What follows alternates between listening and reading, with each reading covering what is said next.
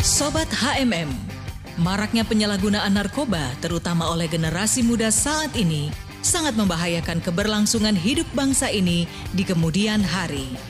HMM Radio sesaat lagi akan menghadirkan bincang GMDM, sebuah program hasil kerjasama radio HMM dengan Bakornas GMDM, Badan Koordinasi Nasional Gerakan Mencegah Daripada Mengobati.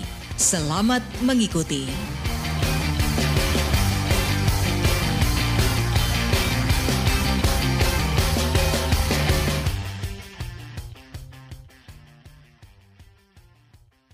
Shalom, Sobat HMM narkoba dan bahaya penyalahgunaan yang menjadi perhatian utama pemerintah dan masyarakat. Karena hal ini sangat mempengaruhi kualitas generasi muda sebagai penerus bangsa. Topik hari ini membahas tentang penyesalan tentang pemakaian narkoba, tobat, bangkit, ada kesempatan kedua, dan harapan masih ada. Ya, sudah bergabung narasumber kita dalam perbincangan hari ini. Saya langsung saja menyapa dari Kron Ministry ada Bung Ibob David. Shalom Bung Ibob, Bung Ibob. Terima kasih sudah mau bergabung. Ya, mungkin Bung Ibob belum di unmute ini. Oh. Dan Bung Ibob tidak sendirian, juga ada Bung Wistu Danu Kencana, STH SPD MTH. Shalom Bung Wisnu. Bisa dengar Bisa dengar, Shalom. Ya. Ya. Bisa dengar Bisa suara dengar saya? suara saya, Bung Wisnu? Iya. Kedengaran, kedengaran. Kedengaran ya. Ya. Juga Bung Juga Ibob, Shalom, Bung Ibob Ibob dari dari Crown Ministry. Ministry. Oh, sudah. Bisa, bisa. Ya, bisa, Ya, Bung bisa, Ibob. Bisa, ya. Bung. tadi suara audionya kecil banget suara Oh, di sana. oh, gitu. Tadi gitu. yang musik, yang lagu, gak kayak Pak Obet, kencang Ya. nih kayak geledek. Oh, begitu, begitu. ah, ini enak. Udah. Ah, Ini ah. ini udah jelas ya, Bung Ibob ya. Baik, eh, kita pagi ini, Di mute tuh Pak, di mute. ya, Agak kuat tuh Pak Obet, di mute. oke. Zoom ya. Ya, di Ya, kesempatan, di kesempatan hari, hari ini, ini kan kan kita membahas, Membahas tentang, tentang penyesalan, penyesalan tentang tentang pemakaian narkoba, narkoba, tobat, tobat, bangkit, bangkit, ada ada kesempatan, kesempatan kedua, kedua, dan, dan harapan, harapan masih, masih ada, ada. gitu ya. Gitu ya.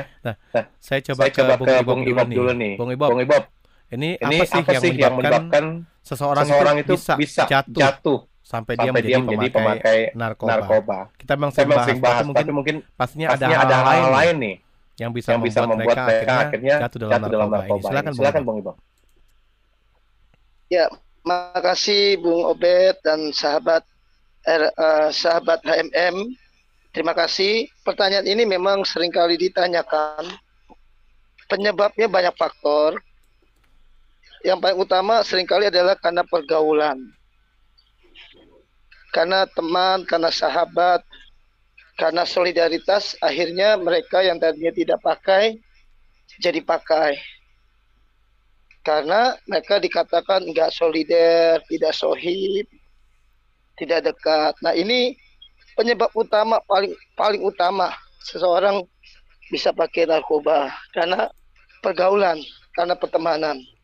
Makanya betul pergaulan yang buruk merusak kebiasaan yang baik. Nah, Itu yang pertama. Yang kedua adalah memang eh, sering kali waktu yang beberapa waktu lalu juga kata jebakan atau dijebak. Eh, mungkin dia nggak niat pakai, tapi karena temannya pengen ini anak pakai, akhirnya ada cara-cara yang dipakai. Seperti halnya sering kali seperti dulu kalau kita dengar sama almarhum Pak Jeb atau beberapa teman kalau gua kan di mereka lagi makan makanannya atau Hmm. minumannya dikasih obat-obatan. Nah, seperti itu bisa terjadi. ya. Jebakan yang Oh, ada ketika akhirnya mereka merasakan ya?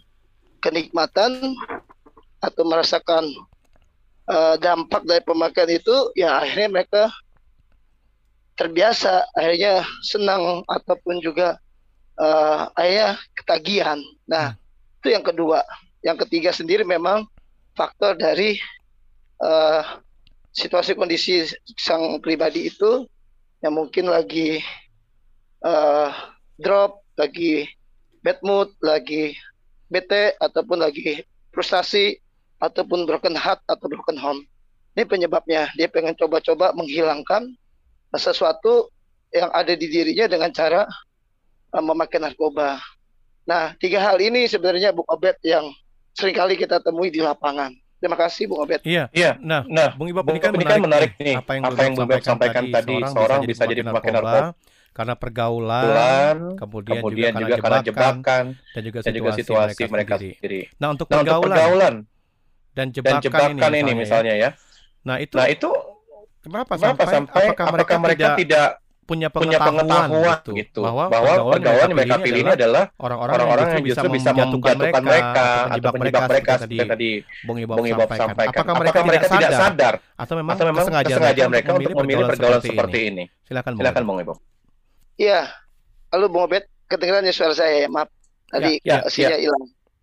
Eh, sebenarnya mereka tidak memilih eh, ataupun bagaimana, tapi kan teman-teman yang ada itu kita nggak pernah tahu latar belakang mereka, keluarga mereka, keberadaan mereka, karakter mereka. Nah, teman-teman ini yang mungkin dari sananya sudah terkena atau terbawa arahan, terjadilah seperti itu, Bung. Jadi memang mereka tidak milih-milih sebenarnya eh, pergaulan itu, tapi ketika ketahuannya di lapangan, nah di situlah pentingnya seseorang bisa memilah-milah. Kalau sudah tahu jauh-jauh hari dari penampilan, dari cara bicara, dari apa pun mungkin bisa dihindari.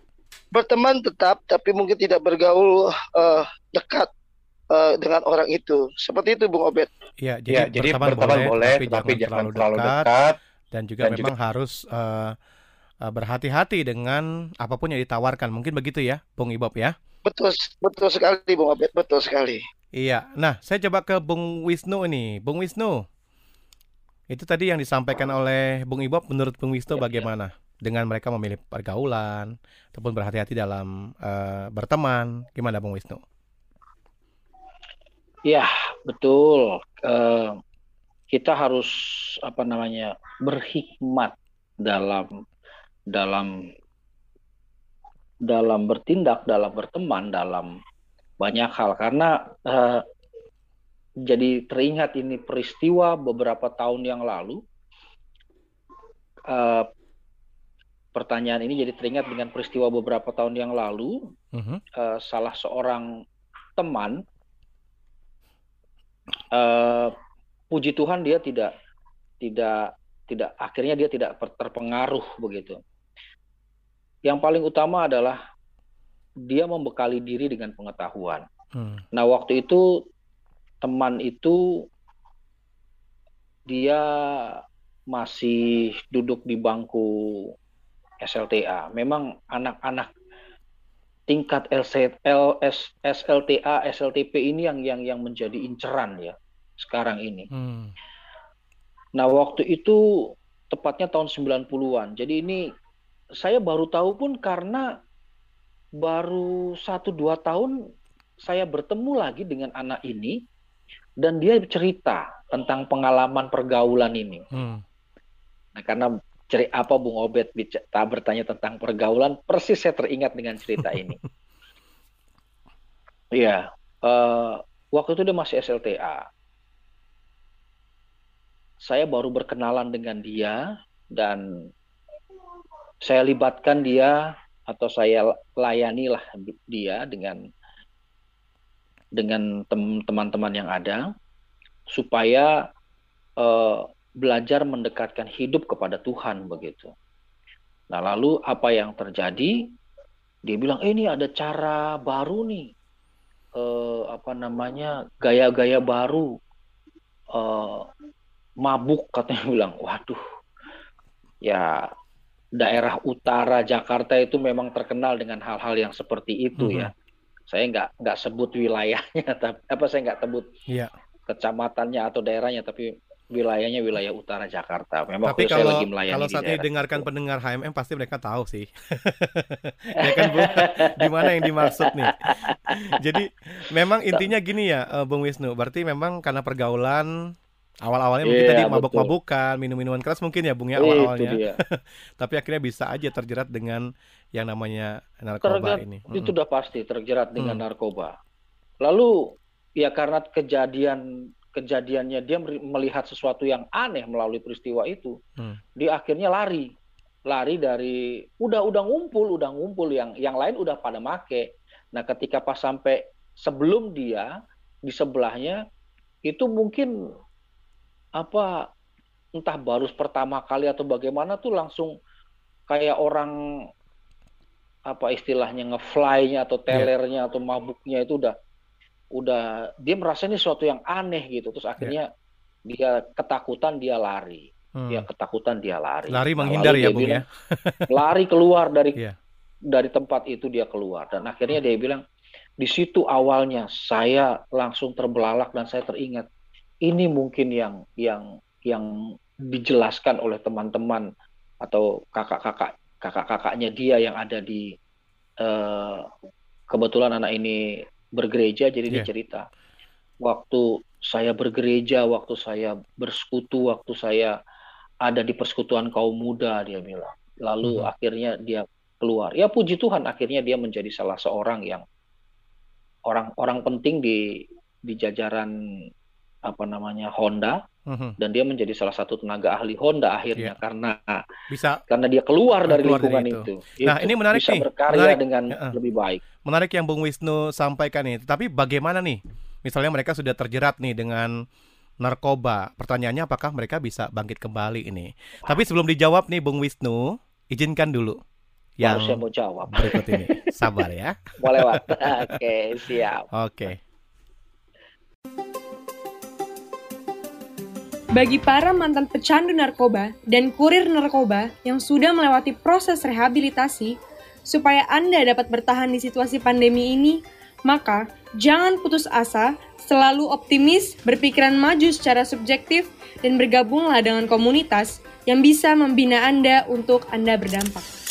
agar mantan pecandu narkoba dan kurir narkoba yang sudah direhab bisa bertahan di situasi pandemi. Tetap lakukan hal yang baik, berdoa dan percaya Tuhan pasti membuka jalan bagi anak-anaknya. Makasih, God bless you. menurut saya yang harus dilakukan agar mantan pecandu narkoba dan kurir narkoba yang sudah direhab bisa bertahan di situasi pandemi seperti sekarang ini adalah pertama memastikan untuk mereka berada di lingkungan yang tepat yang mendukung mereka ke arah positif. Dukungan keluarga memegang peranan penting. Yang kedua adalah menghindari lingkungan pergaulan yang buruk yang bisa menjerat mereka kembali pada kehidupan mereka yang lama. Ketiga, mereka dapat mengisi waktu dengan kegiatan yang positif, mengembangkan hobi dan talenta, berolahraga sesuai kesukaan, dan lain-lainnya. Dan yang keempat adalah mereka bisa mengisi jiwa dan rohani dengan hal-hal yang spiritual, beribadah dan berdoa.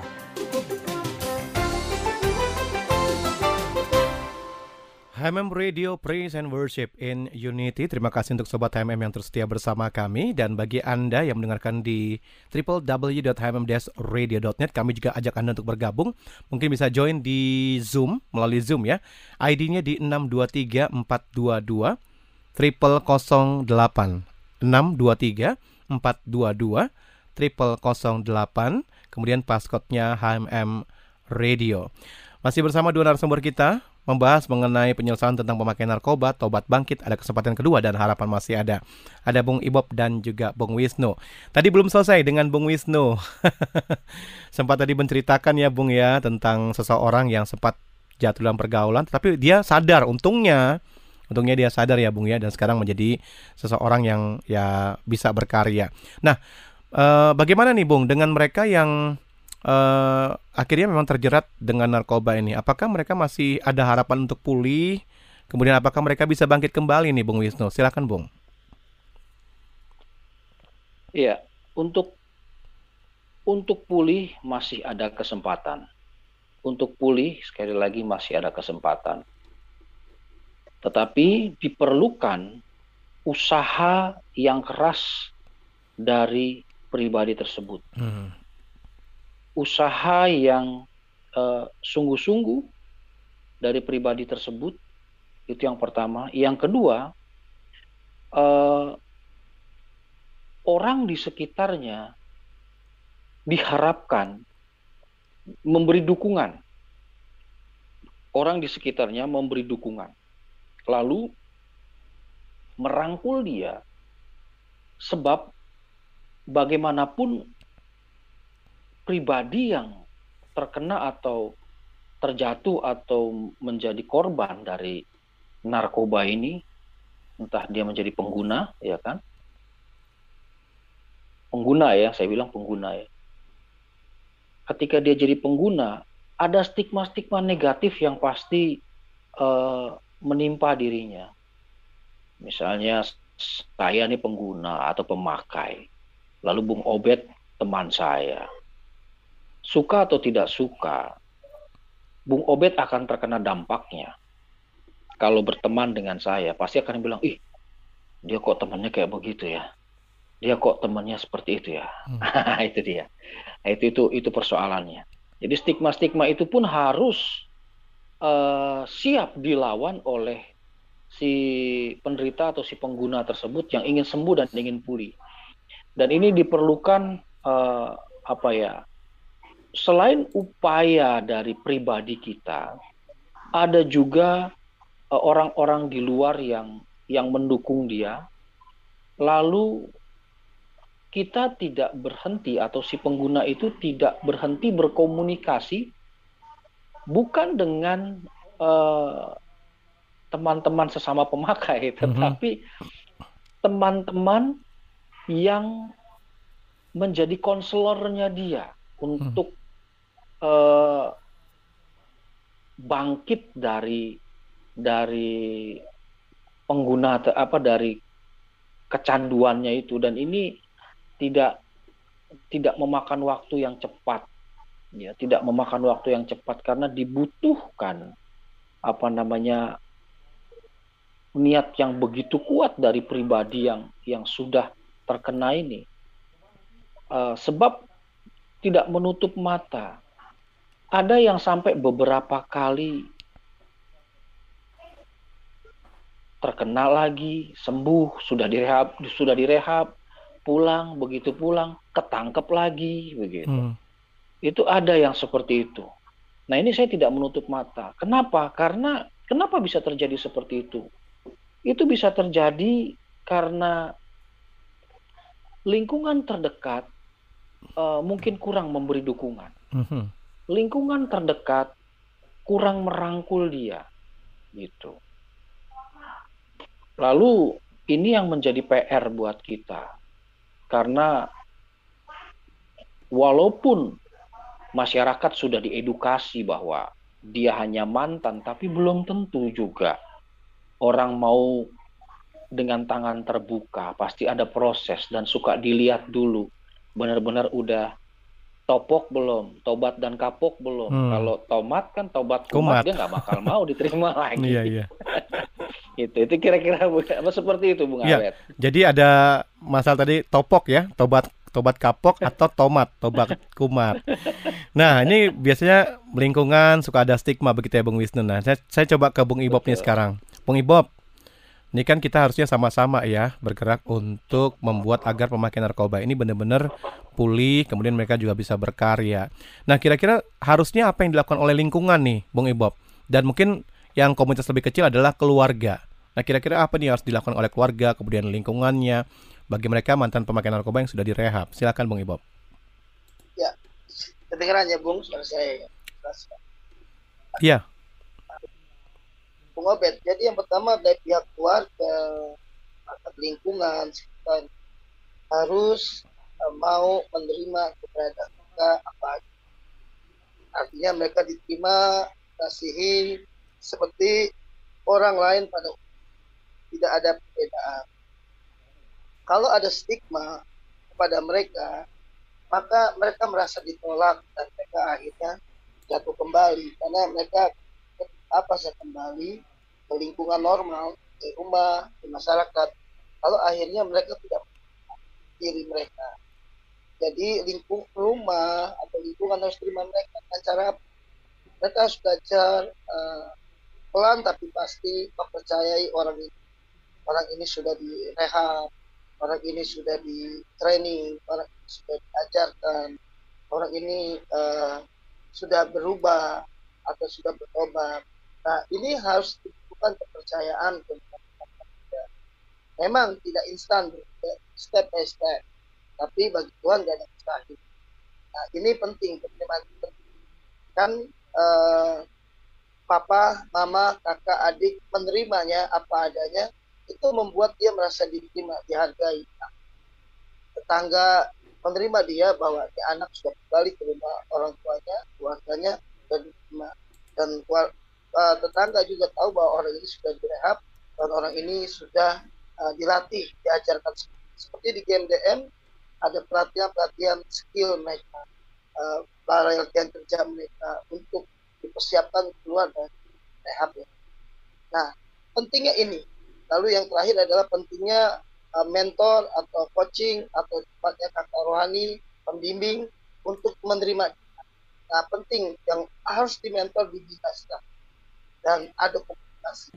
Tiga elemen ini penting buat mereka sehingga mereka seperti itu, Bung Iya, Bung Ibob, saya tertarik tuh dengan uh, apa yang disampaikan oleh Bung Ibob mengenai mentor gitu ya, coaching ya. untuk membuat mereka juga uh, bisa uh, para pemakai ini mantan pemakai ini bisa bangkit lagi dan diterima gitu ya di keluarga dan lingkungan. Nah, apakah nih kan Bung Ibob kan di Kronistri di GMDM juga. Ya. Nah, apakah pada saat mereka dikembalikan ke keluarga, apakah ada pendampingan tuh buat mereka yang sudah ya. selesai menjalani rehab? Yes, uh, sangat baik pertanyaannya. Jadi memang kalau di game-game itu ada, mm-hmm. jadi ada yang disebut rawat jalan. Mereka pun uh, selalu rutin ketemu di rumah rehab uh, berapa waktu sekali. Itu di rawat jalan. Nah, kalau bagi mereka sudah direhab, mereka juga tetap ketemu, tetap ada komunikasi dengan kakak-kakak mentor baik mereka by phone, by WA, ataupun juga Nah biasanya uh, mereka yang datang ke kantor GMDM atau penerima rehab yang ada atau sebaliknya ada pertemuan-pertemuan khusus yang dibuat oleh GMDM rutin antara mereka dengan orang tua mereka bersamaan atau orang tua mereka sendiri atau mereka sendiri. itu Bung Oh jadi me ada. jadi memang nggak putus begitu saja Bung Ibob ya? Tidak tidak hmm. tidak tidak. Jadi saya melihat ini salah satu hal yang patut ya buat saya diapresiasi menarik makanya ada salah satu tugas kami tim front ministry itu one yeah. one tugas kami salah satunya rumah-rumah keluarga mereka seperti itu. Nah, kalau untuk pendampingan nih buat mereka yang sudah selesai di rehab itu berapa lama, Bung Ibob? Kan mereka sudah keluar nih nah, kembali ke masyarakat uh, atau keluarga.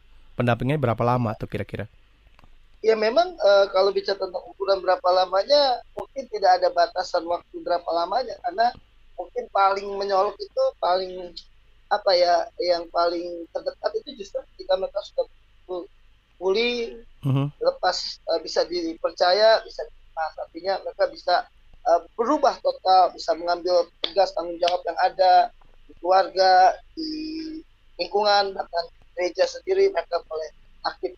Nah ini yang yang apa yang mungkin bisa dikatakan tandanya. Awal awal bisa dilepas kalau ditanya berapa lamanya ya tergantung dari kita hmm. membangun hubungan. Oh. Jadi walaupun sudah selesai direhab tetap ada oh. hubungan yang terus terjalin gitu ya Bung Ibab ya?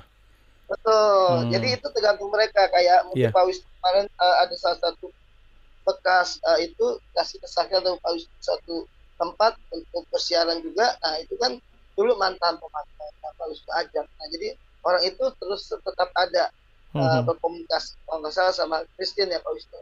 Jadi itu tetap diajak dilibatkan. Jadi oh. terpantau terkoordinasi Pak Abu Abed. Orang yeah. ini aktif sekarang. Hmm. Nah, luar biasa saya Jadi walaupun dia mantan, tapi karena dia sudah pulih, dia bisa aktif gitu ya, ya Bung Ibab ya? Bisa. Kan kita berharap hmm. itu Bung Abed. Yeah. Dan kita berharap mereka kembali seperti semula Bung Abed. Iya. Kembali seperti semula, akhirnya diberkati dan dipakai.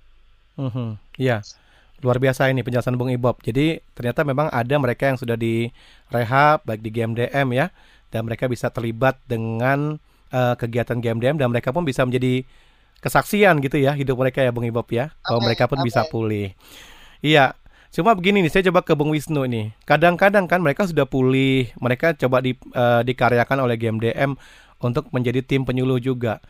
Tetapi terkadang stigma itu pasti selalu ada kan Bung Wisnu ya. Nah, bagaimana nih agar bisa mengikis stigma dari mantan pemakai supaya tidak ada lagi stigma itu buat diri mereka. Gimana nih Bung Wisnu? Silakan. Iya, uh, ini kembali lagi bagian daripada ini boleh dikatakan pemulihan pasca rehabilitasi. Hmm. Itu butuh waktu yang lebih lama dari rehabilitasi itu sendiri. Misalnya begini, logikanya begini, saya memakai tiga tahun, apakah cukup direhab tiga sampai enam bulan? Setelah itu dinyatakan sembuh dan saya kembali ke masyarakat. Kalau tanpa ada mentoring terhadap saya, pasti sudah amat dipastikan saya akan kembali lagi make. Karena saya belum kuat menghadapi stigma itu di dalam masyarakat. Nah, setelah pasca pasca rehab inilah yang harus perlu adanya mentoring seperti yang uh, Bung Ibob tadi sampaikan bahwa uh, ada pribadi-pribadi yang yang dengan penuh sukacita mau memberikan apa namanya menjadi teman bagi kita. Dan juga biasanya kita menghimbau supaya si pribadi ini untuk keluar dari stigma itu membangun juga suatu komunitas atau dia membuat suatu komunitas di mana uh, dia bisa menolong sesamanya. Mhm. Nah, ini adalah salah satu cara dari banyak cara untuk membangun kepercayaan diri dan mengikis stigma itu. Dan tentu tidak mudah. Tentu tidak mudah. Dan perlu memakan waktu. Pribadi yang yang sedang uh, melakukan atau sedang menjalankan rehabilitasi pas uh, memulihkan diri pasca rehabilitasi, dia perlu dukungan-dukungan. Uh-huh. Dukungannya apa? Misalnya ya dia dia secara pengalaman mungkin tahu apa yang menjadi uh, penyebab dia begitu dan dan itu dia bisa bisa jelaskan tetapi kalau dia kita libatkan uh, untuk misalnya terlibat me, dalam suatu penyuluhan dan kita beri ruang dia untuk menerangkan bagaimana uh, saat istilahnya saat sakaunya itu harus dia lawan bagaimana itu akan membangun kepercayaan diri dia kembali dan itu membangun uh, pemahaman kepada lingkungan bahwa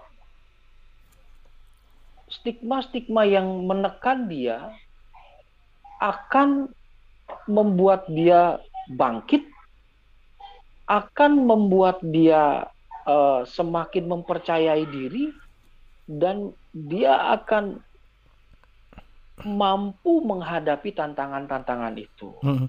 Jadi berarti berarti ya. gini ya Bung Wisnu ya, stigma itu bisa lepas dari diri orang ini asal dia mau menunjukkan dirinya begitu ya Bung Wisnu ya. Dengan mau komis ya, eksis dengan dirinya, ya. bangkit kembali, pilih komunitas ya. yang benar, kemudian saat mereka dia jadi penyuluh mungkin tadi ya yang Bu Wisnu sempat sampaikan dia benar-benar menceritakan yeah. sesuatu yang memang itu akhirnya membangkitkan dirinya sendiri untuk semakin pulih begitu ya dan akhirnya yeah. uh, ibaratnya stigma-stigma ini akan lepas dengan sendirinya. Wah luar biasa nih penjelasan Bung Wisnu nih.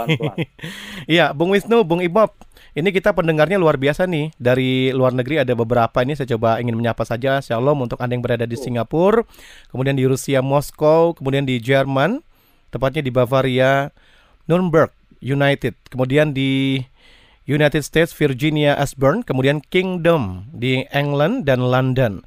Untuk yang ada di Indonesia ada di Selipi, kemudian di Tangerang, Semarang, Surabaya, Sukaramai, Riau, dan juga ada di Bogor.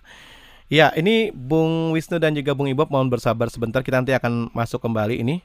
Nanti akan mau Siap. tanya soal kesempatan seperti apa ini yang dapat diberikan bagi mantan pemakai narkoba agar mereka itu bisa berkarya. Tetapi kita izinkan dulu yang berikut ini.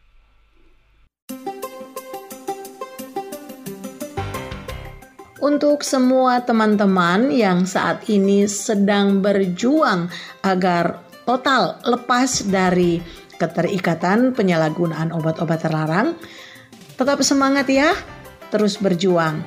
Sekeras dan sebesar apa pun perjuanganmu, maka sebesar itu pula lah hasilnya. Sebab hasil tidak akan pernah mengkhianati usaha. Dan ingatlah bahwa hidup kita hanya satu kali. Hidup kita ini singkat. Karena itu bangkitlah terus berjuang memperbaiki hidupmu. Terus berjuang untuk hidup semakin berkenan di hadapan Bapa sebab kamu sangat berharga di matanya. Jangan pernah mengandalkan narkoba untuk mencari jawaban dari segala kekhawatiran. Serahkan segala kekhawatiranmu kepada Tuhan, mengadulah kepada Tuhan, layaknya anak kecil yang mengadu kepada bapaknya. Utarakan semua ketakutan dan penyesalanmu, Tuhan pasti menjawab setiap keraguanmu, dan Tuhan juga pasti memberikanmu lebih ya dari yang kau minta. Kita pernah salah, tetapi tidak pernah ada kata terlambat untuk memulai sesuatu yang benar. Lakukan perkara yang positif dan usahakan untuk hidup jauh dari dosa. Jadilah terang dan garam dunia. God bless. Masih bersama dalam talk show dengan GMDM dengan topik penyesalan tentang pemakaian narkoba, tobat, bangkit, ada kesempatan kedua, dan harapan masih ada. Dengan dua narasumber kita ada Bung Ibob dan juga Bung Wisnu. Dan juga yang sudah bergabung melalui Zoom ini ada Bung Wira. Shalom, terima kasih sudah mau bergabung bersama dengan kami. Ya, saya coba ke Bung Ibob nih sekarang. Bung Ibob, ini uh, tadi kan Bung Wisnu sempat sampaikan bahwa uh, mereka yang sudah pernah terkena narkoba supaya lepas dari stigma, yang mereka harus uh, membuat suatu komunitas, pilih yang komunitas yang baik gitu ya. Kemudian mereka juga harus terlibat dalam sebuah organisasi yang positif ya salah satunya dengan GMDM yang mengkaryakan nih beberapa mereka yang sudah benar-benar pulih. Nah, untuk Bung Ibob sendiri, uh, kesempatan seperti apa nih yang dapat diberikan bagi para mantan pemakai narkoba ini agar mereka bisa berkarya? Silakan, Bung. Iya. Oke, puji Tuhan. Iya. Secara pribadi tadi adanya pelatihan-pelatihan bagi mereka untuk melatih uh, skill mereka, kepandaian mereka, khususnya keterampilan mereka itu penting banget diberi kesempatan kepada mereka sehingga ya mungkin selama bertahun-tahun atau sekian lama mereka uh, terkena dampak efek atau pengaruh pengguna narkoba, mereka boleh dilatih kembali memori mereka, kemampuan mereka. Bisa contoh untuk uh, mesin uh, AC, pasang AC, atau servis motor, atau servis handphone, atau banyak hal uh, memasak atau dandan. Nah ini yang yang dilakukan oleh KMDM sangat penting. Pelatihan-pelatihan ini akan membantu mereka uh, kembali uh, seperti sedia kala semula sebelum memakai narkoba punya keterampilan. Lalu yang kedua kesempatan kedua adalah memang dibukanya lapangan pekerjaan atau usaha diberikan kesempatan mereka peluang untuk mereka bekerja atau uh, dibukakan usaha diberikan modal. Nah hal ini butuh kerjasama dengan banyak pihak yang mempercaya hal ini. Jadi mungkin orang kanan atau orang yang kenal yang dekat bisa kasih kepercayaan. Selain membangun jati diri mereka, membangun gambar diri mereka, bahwa mereka uh, seperti manusia pada umumnya, mereka dipercaya di kesempatan, itu akan membangun bahwa mereka sudah pulih, sudah terlepas. Dan yang ketiga, paling pastinya adalah memang harus diberikan ruangan, komunitas, tempat yang baru bagi mereka dengan menutup uh, komunitas yang lama, yang hitam, yang kelam itu ditutup dan buka komunitas yang baru mungkin dengan ibadah atau persekutuan atau komsel atau hal-hal yang positif membangun. Itu diberikan kesempatan kepada mereka diajakkan dilibatkan. Seperti itu Bung Opet iya. dari saya jadi mereka harus dilatih kemudian mereka juga diarahkan untuk apa yang sudah dilatih itu ibaratnya mereka bisa uh, melakukannya gitu ya Bung Ibob ya dan kemudian mereka diberikan kesempatan juga untuk masuk dalam sebuah komunitas yang positif ya misalnya tadi seperti misalnya keagamaan gitu ya Bung Ibob dan Betul ini sekali. akan Betul. membuat mereka tampil lagi jati dirinya gitu ya Bung Ibob. Yes, betul. iya. Nah ini sangat menarik apa yang Bung Ibob udah sampaikan. Pastinya juga bisa memotivasi mungkin sobat HMM yang saat ini sedang mendengarkan. Mungkin ada keluarganya yang mungkin terlibat dengan narkoba ataupun juga mungkin Anda yang saat ini mendengarkan memang sudah selesai rehab dan ingin bangkit. Nah mungkin dengan apa yang dijelaskan oleh Bung Ibob juga Bung Wisnu hari ini uh, bisa memotivasi Anda, menginspirasi sehingga Anda bisa bangkit dan berkarya kembali. Ya, ini kita masih ingin ngobrol nih, Bung Ibob. Mungkin ada yang mau ditambahkan lagi, ya. Bung Ibob? Silakan, Bung. Jadi yang ditambahkan pentingnya adalah membangun image mereka, citra diri mereka, gambar diri mereka. Mhm. Mereka berharga, mereka mulia, mereka Tuhan kasihi, mereka yeah. Tuhan sayang. Jadi mereka diterima sepenuhnya. Itu yang terpenting sekali. Kalau gambar diri mereka udah pulih, syukur-syukur mereka bisa ikut camp pemulihan yeah. gambar diri contoh. Betul. Itu penting banget. Lalu ya pemulihan hati Bapak juga penting karena kan biasanya orang ini akan uh, ada broken home ataupun fatherless. Nah, ini penting banget sesi-sesi seperti ini. Lalu yang kedua ada tadi mereka diajar untuk menemukan visi. Visi mereka, tujuan hidup mereka apa. Dua hal ini penting saya rasa. Pemulihan gambar diri mereka, mereka diterima, dikasihi sepenuhnya, dan mereka juga diarahkan untuk menemukan tujuan hidup mereka ke depannya apa. Setelah berapa tahun yang lalu terhilang karena narkoba. Hmm. Ini penting banget. Maka dibagikan. Kamu mau jadi apa? Mau kamu mau bagaimana? Ini penting banget setiap yeah. kita yang ketemu orang seperti ini. Itu Bung Obed dari saya. Iya. Dan akhirnya mereka bisa pulih, kemudian mereka juga bisa yes, berdampak. Right. Begitu ya Bung Bob ya. Amin. Amin. Amin. Iya. Saya coba ke Bung Wisnu nih sekarang. Bung Wisnu, ini kita sudah ada di penghujung talkshow kita. Padahal masih pengen ngobrol dengan Bung Wisnu dan Bung Ibob, tapi karena waktu membatasi kita. Nah, mungkin Bung, Bung Wisnu bisa uh, memberikan statement nih tentang topik kita hari ini mengenai penyesalan pemakai narkoba. Silakan Bung Wisnu. Jangan hanya cuma menyesal tanpa ada tindakan untuk membangun diri. Hmm. Kalau hanya menyesal, kita akan hanya hidup di dalam mimpi. Jadi, bangunlah diri dan jangan pernah menyerah. Hmm. Tetap kuat, tetap punya tekad, tetap punya semangat, dan tetap punya tujuan bahwa kita ingin pulih, kita ingin sembuh, dan tidak pakai narkoba itu jauh lebih keren. Ya, ini kayaknya langsung muncul aja kata-kata ya, Bung Wisnu ya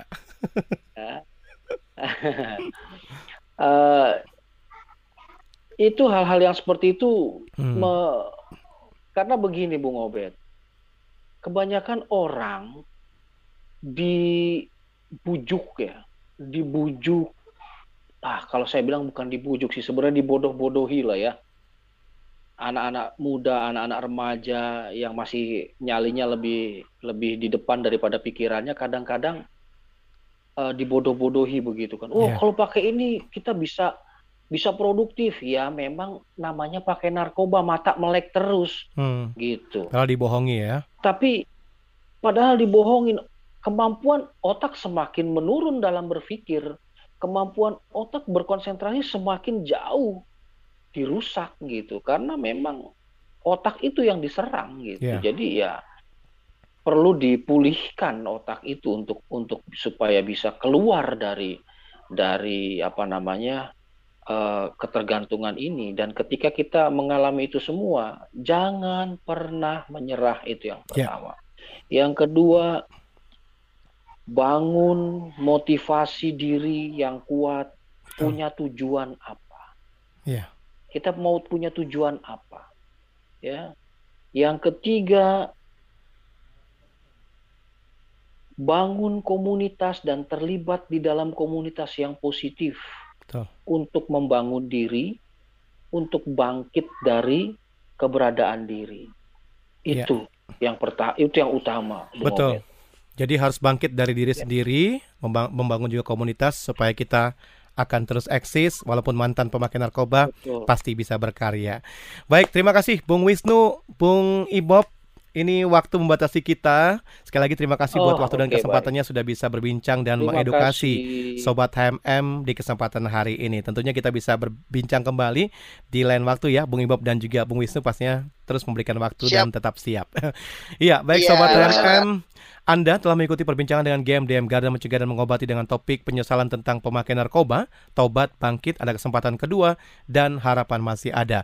Informasi tentang GMDM dapat menghubungi di 021866 15552 021866 15552. Nantikan perbincangan kami selanjutnya bersama GMDM dengan topik menarik seputar penyalahgunaan dan pemberantasan terhadap narkoba untuk menciptakan Indonesia bersinar bersih dari narkoba.